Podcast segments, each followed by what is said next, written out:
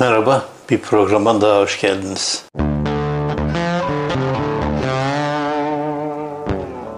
Bugün kulüp dizisinden bahsetmek istiyorum. Yeni yayınlanan ikinci bölümü, daha doğrusu dört bölümlük ikinci parti izledim. Ee, öncelikle şunu söyleyeyim, gerçekten e, akıl almaz güzel bir dizi yapmışlar. Bu ilk e, beğendiğim yerli dizi değil.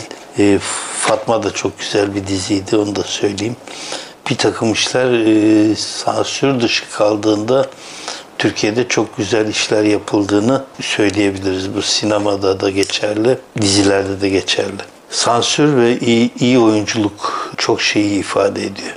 Ee, gerçekten Türkiye'de çok iyi oyuncular var ve e, iki dizinin de oyuncularını yani yönetmenlerini zaten dizileri beğendiğimden belli e, gerçekten tebrik ediyorum. Şimdi kulüp dizisi e, hiç abartmadan yapılmış bir 6-7 Eylül olayları dizisi. Bundan önce yıl Demokrat Parti ile ilgili bir dizi yapılmıştı. O dönemle ilgili gençlik hareketleri üzerinden devam eden bir dizi yapılmıştı.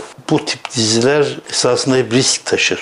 Siyasi film anlamında 12 Mart'la ilgili ilk filmi Reis Çelik çekmişti. Hoşçakal Yarından orada Deniz Gezmişler'in idamındaki imamı oynamıştım ben de. Bu diziler şu anlamda riskli çünkü dizinin içerisine ya da filmin içerisine koyabileceğiniz çok şey var. 2 saatlik filme kendi bakış açınız ya da yapmak istediğiniz yönü aldı, almanız gerekiyor. Yoksa her yapılan bu anlamda dönemi anlatan siyasi filmlerde ya şu eksik kaldı diyebileceğiniz çok yer var. Şimdi bu 6-7 Eylül olaylarının başlangıcını falan çok güzel vermiş. Bir Roman Yahudinin kendisini nasıl sakladığını, bunların esasında çok ciddi bir sayıda olduğunu Türkiye'de Osmanlı'dan sonra Türkiye'de çok ciddi bir sayıda olduğunu biliyoruz. Ee, bir anlamda e, İstanbul ticaretini de yani sadece İstanbul değil ama ağırlıklı olarak İstanbul ticaretinde e, Ermenilerin, Yahudilerin, Rumların yaptığını e, bunları hep, hep, hepsini biliyoruz ve e, Türklük de bir şey yapmak istiyor. Yani bu kendilerine göre bir hakimiyetten kurtulmak istiyorlar. E, bunun için kullanabilecek çok yol var Türkiye'de. Osmanlı'nın getirdiği zafiyet mi diyeyim, Osmanlı sonrası bir zafiyet mi diyeyim, onu tarihçiler ve sosyologlar karar versinler ama tabii bu kadar birleşenden bir Türkiye Cumhuriyeti kurduğunuzda ki bana göre suni bir devlet kurduğunuzda e, bunun e, mutlaka sonuçları olacaktır adını Türkiye yaptığınızda bir kere Türkçülük gelişecektir. Osmanlı iken Türkler nasıl ezildiyse Osmanlı'dan devşirme Türkiye Cumhuriyeti dediğinizde Türkçülük başlayacaktır. O hem Osmanlı'nın e, Osmanlı hükümdarlığının emri altında ezilmeyi bir anda bertaraf edecek hem de kendini kanıtlamaya çalışacaktır. Yani ben de varım demeye çalışacaktır ki bu, bu bunu da yaşadık yani. 6-7 Eylül olayları e, başlı başına bir vahşet ve derin devletin e, Türkiye'de ilk katliamı diyebilirim. Yani ondan önce sanıyorum Tan matbaasının yıkılması var. Ama bu, bu kadar büyük değil. Tek bir matbaaya yönelik bir şey. Ee, ama 6-7 Eylül olayları ölümle sonuçlanan felaket bir şey. Şimdi 6-7 Eylül olayları sonrası Türkiye'yi ve derin devleti ve Türkiye'nin suçlularını tırnak içinde suçlularını e, kime göre oligarşiye göre, kime göre derin devlete göre, kime göre sağcı e, siyasetçilere göre kim olduğunu da çok iyi gösteriyor esasında. Tabii bir kısmımız büyük bir olasılıkla bilmiyor. E, 6 Eylül o Eylül olayları sonrası e, 1955'te babam olacak e, insan, babam olacak insan diyorum çünkü ben 57 doğumluyum. Daha doğmamışım. Annemle evli de değiller. Flört halindeler ya da nişanlılar. Hatta e, babam o dönemde içerideyken nişanlanmış da olabilirler diye düşünüyorum. Hapishanede nişanlandıklı babamın nişanlan yüzüğünü hapishanede taktığını biliyorum çünkü. Orada olabilirler. Bunlar yargılanıyor, idamla yargılanıyor. 6-7 Eylül bu izlediğiniz dizinin neticesinde oluşan olaylardan dolayı benim babam idamdan yargılanıyor ve e, benim olmama ihtimalim 6-7 Eylül'de ortaya çıkıyor esasında. Şimdi e, birkaç bölüm okuyacağım size 6-7 Eylül'den. Azines'in e, Salkım Salkım Asılacak İnsanlar e, diye bir kitap yazdı. 6-7 Eylül anlatan. Şöyle anlatıyor. İlk önce 6-7 Eylül 6 Eylül'de sanıyorum bu yazdığı dönem. Şöyle anlatıyor Azines'in e, Yaşar Kemal'le karşılaşmışlar. Pera Palas Otel'in yanındaki yoldan alt caddeye tam inmiştik ki Yaşar Kemal'le Ali, Ali Rauf'u gördük. Kol kola gelmiş geliyorlardı. Karşılaştık. Ben Yaşar Kemal'le Ali Rauf'u Ali Rauf'u görünce yaşadığım o korkunç olaylardan sonra iki dosta kavuşmanın sevinciyle içimi dökme gereksinimi duydum. Yahu bu ne vahşet, bu ne yabanilik, ne ilkellik, ne canavarlık. Ali Rauf tıpkı o kara kalabalık, kara kalabalıktaki herhangi bir gibi bana saldırmaz mı? Ne demek? Böyle yüce bir milli heyecan karşısında nasıl böyle konuşursunuz? Milletimizin ulvi hisleri galeyana geldi artık. Daha neler neler. Barbar bağırıyor. Sanki alandan nutuk atıyor. Bu olayda beni en çok şaşırtan Ali Rauf'tan çok Yaşar Kemal olmuştu. Yan tutmuyordu Yaşar Kemal ve öyle, öylece dimdik suskun duruyordu. Evet, aydınların her olayda aynı olayı göster, aynı tepkiyi göstermediğini biliyoruz. Ee, Yaşar Kemal'in e, tepkisizliği de Azines'ini esasında bir anlamda rahatsız ediyor. Azines'in ve arkadaşları Kemal Tahir, Asım Bezirci, Nihat Sargın, Doktor Hulusi Dostoğru, ee, ondan sonra Hasan İzzettin Dönemo, Arif Bezirci o dönemin namlı komünistleri 6-7 Eylül müessebip olarak tutuklanıyorlar ve idamla yargılanıyorlar. Şaka değil, idamla yargılanıyorlar ve 4 ay hapis yatıyorlar. Oradan size yine ilginç şeyler e, okuyacağım. Aziz Nesin şöyle devam ediyor anlatmaya. Biraz yan duracağım, yan bilgisayardan okuyorum çünkü. 1955 yılı 6 Eylül gecesi zamanı hükümeti Kıbrıs konusunda Türkiye'nin duyarlılığını dünyaya göstermek için İstanbul'da el altından bir miting düzenlemişti. Bu arada şunu antiparantez söyleyeyim. E, o dönemin e, Dışişleri Bakanı e, sanıyorum Fatih Rüştü Zorlu Kıbrıs meselesini çok fazla su yüzüne çıkartmak istemiyor esasında. Yani sonradan tarihten okuduklarımızdan yani ben okuduklarımdan bunu anlıyorum. Fatih Rüştü Zorlu e, burada hükümetin e, yaptıklarından hatta Adnan Menderes de dahil bir çelişki içerisinde olduğu söylenebilir. E, burada sanıyorum parmak biraz Celal Bayar tarafından sallanıyor. O miting serserilerin ayak takımı ve yoksulların gösterisine dönüşmüş. İstanbul'un bütün baldırı çıplakları sokaklara dökülmüş ve bu mitingin yönetimi hükümetin önünden çıkarak bütün gece İstanbul özellikle Rum, Ermeni, Yahudi evleri ve malları yağmalanmış. Sabah olunca hükümet ne yapacağını şaşırmış. Olmayan suçluları bulma telaşına kapılmış ve suçluları bulmuştu. Benim de içinde bulunduğum 60 kadar yazar, şair, çevirmen ve aydın. Hepimiz askeri cezaevine tıkmış ve zamanı sık komutanı bunlar salkum salkum asılacaklar diye buyruğunu vermişti. Evet, e, ilginçtir bu salkım salkım asılacak e, adamlar diyen e, kişi dönemin yönetim komutanı Nurettin Aknos. Aknos.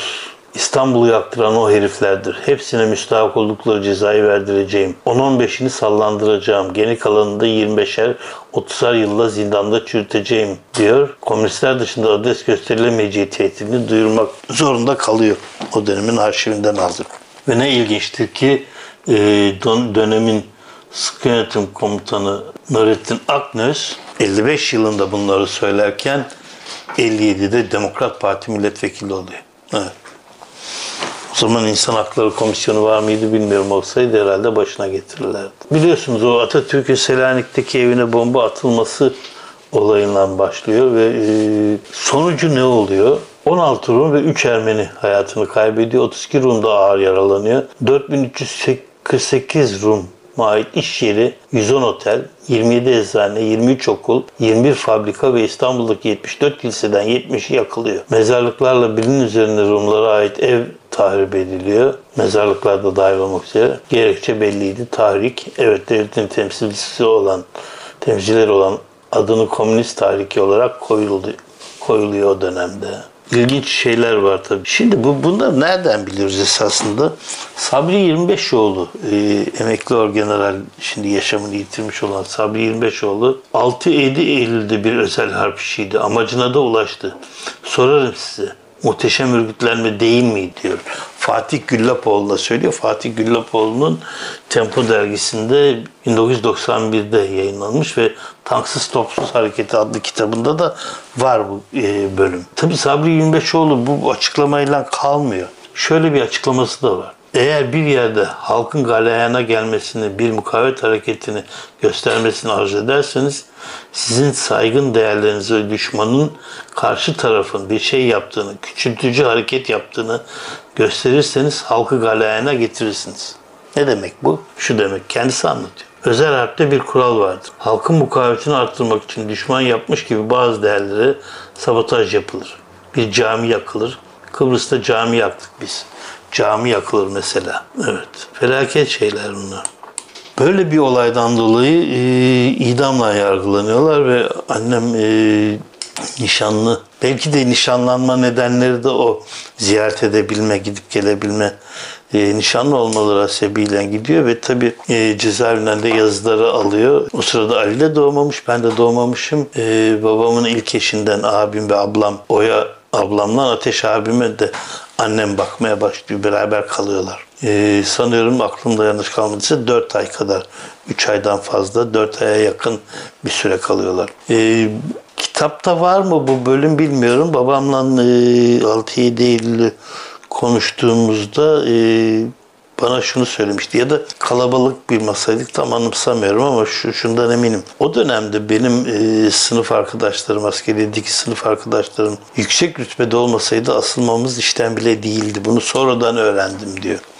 Bir takım arkadaşları söylüyor. E, çünkü işte Aziz Nesin 15 doğumlu sıkıntı komutanı olan kendisinden 20 yaş falan büyük e, ama e, 55'te kurmayları falan alırsak Azinesinin yüksek rütbe diyebileceğimiz insanlar var. E, sadece tabii sınıf arkadaşları olması gerekmiyor. Yani asker kökenli olması bir anlamda kendisini kurtarıyor. Kendisiyle beraber tabii arkadaşlarını da. Tabii bu, bu tek neden değil. Asarlar mıydı? Ee, çok emin değilim ben. Türkiye'de her şeyin yapabil, yapılabileceğine inanıyorum. Ama şunu da hep söylüyorum. Ee, çünkü bu Sabri İlmeşoğlu'nun anlattığı olay Kahramanmaraş olaylarından aynı mesela. Orada sinemaya bir bomba atıldı, cami yakıldı falan gibi bir olay oluyor. İşte Sivas Madımak buna benzer bir olay. Daha önceki Sivas, daha önceki Çorum olayları işte buna benzer çok olay yaşandı. Bunların hepsi e, benzer derin devlet olayları. Ama şöyle bir e, şeyi var tabii. E, bunu eğitimsiz it kopuk sınıfından diyebileceğimiz halka yaptırdıklarından frenlemesi çok zor bir şey. Yani Şimdi Cumhurbaşkanı'nın adını unuttum. Demin söylüyordum. Neyse aklıma. Celal Bayar'ın e, Taksim Meydanı'nı gezerken iç, o dönemin İçişleri Bakanı sanıyorum Namık Gedik'ti. Namık Gedik'i sanıyorum biraz abarttık dediği söylenir. Bu abarttık olayını ben hep oldum olası söylerim. Yani işte Kahramanmaraş'ta bu kadar ölüm beklemiyorlardı. Sivas'ta böyle bir otelin yakılmasını beklemiyorlardı. Bir emir vermişlerdi ama işte o frenleme mekanizmasını bilmediğiniz zaman it kopuktan 15 Temmuz'daki işte o köprüdeki insanların kafasını kesmek, gencecik askerin, erin, e, öğrencinin kafasını kesmek nasıl bir şey? Böyle bir şey işte. Yani önleyemiyorsunuz, durduramıyorsunuz. Çünkü durdurmak için bu sizin o tarafı öldürmeniz gerekiyor. O zaman da esas suçlayacağınız komünistin, darbecinin yanında yer almış gibi oluyorsunuz. Şöyle bir şey düşünsenize. Halk darbeyi önlemek istedi asker halkı öldürdü gibi bir şey oluyor. Ondan sonra kendinizin darbeye karşı olan asker olduğunu da kanıtlamanız çok zor. Böyle bir şeyi kanıtlamak gerçekten zor bir şey. Aynen Sivas e, Madımak olayında olduğu gibi yani e, bütün gazeteler birkaç gün öncesinden Şeytan Aziz diye aydınlıkta çıkan şeytan ayetlerinden e, dolayı bu yayını yapmış. Aydınlıktaki şeytan ayetlerin hazinesini yayınlamamış. O oradaki gazetecilerin, gazetelerin hiç umuru değil. Büyük bir olasılıkla bilmiyorlar çünkü hazinesinin o sırada orada köşe yazarı, gazetenin sahibi. Ama Doğu Perinçek bunu fırsat bilip derin devletle olan ilişkisinde bundan daha güzel bir fırsat olabilir mi? Hazinesini öldürecekler işte. Hümeyni'nin verdiği emri Doğu Perinçek yerine getirecek. Bu kadar basit. Bu arada konuşurken niye o tarafa bakıyorum onu da bilmiyorum. Bir alışkanlık.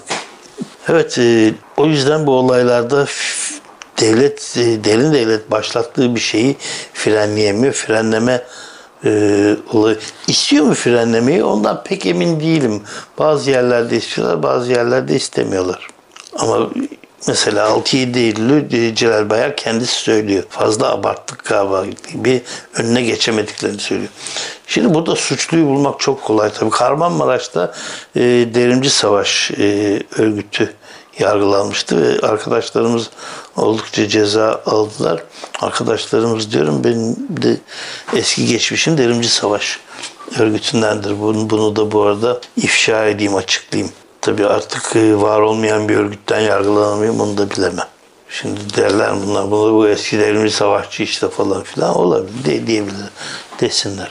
Evet e, bu dizi önemli bir diziydi. E, Umarım buna benzer bir takım diziler yapılır ama Netflix'te yayınlanır ama bağımsız bir şekilde olur bilemiyorum ama bir takım şeylerden haberdar olmayan halkımız bunlardan bu şekilde haberdar olacak. Yani bunu e, bu şekilde öğrenecek insanlar e, hele bizim gibi okuma yazması az olan kitap okumanın yüzde birin altında olduğu bir ülkede bu diziler çok önemli. Gerçekten e, tekrardan herkesin eline sağlık diyorum. Yani milimine dokunanın eline sağlık. Evet, dediğim gibi e, bu seyrettiğiniz dizi sonrası Türkiye'nin çok önemli aydınları az daha idam ediliyordu biliyor musunuz? Biraz nesin olmayabilirdi. Ben olmayabilirdim. Ben, ben bensiz ne yapardınız bilemiyorum. Hadi Azines'in 55'e kadar olan yazdıkları hala sizi güldürebilirdi. Ha, çok e, o zaman ondan sonra daha ağır yazıları, felsefe felsefi yazıları olmayabilirdi ama mizahçı Azines'in mutlaka var olurdu.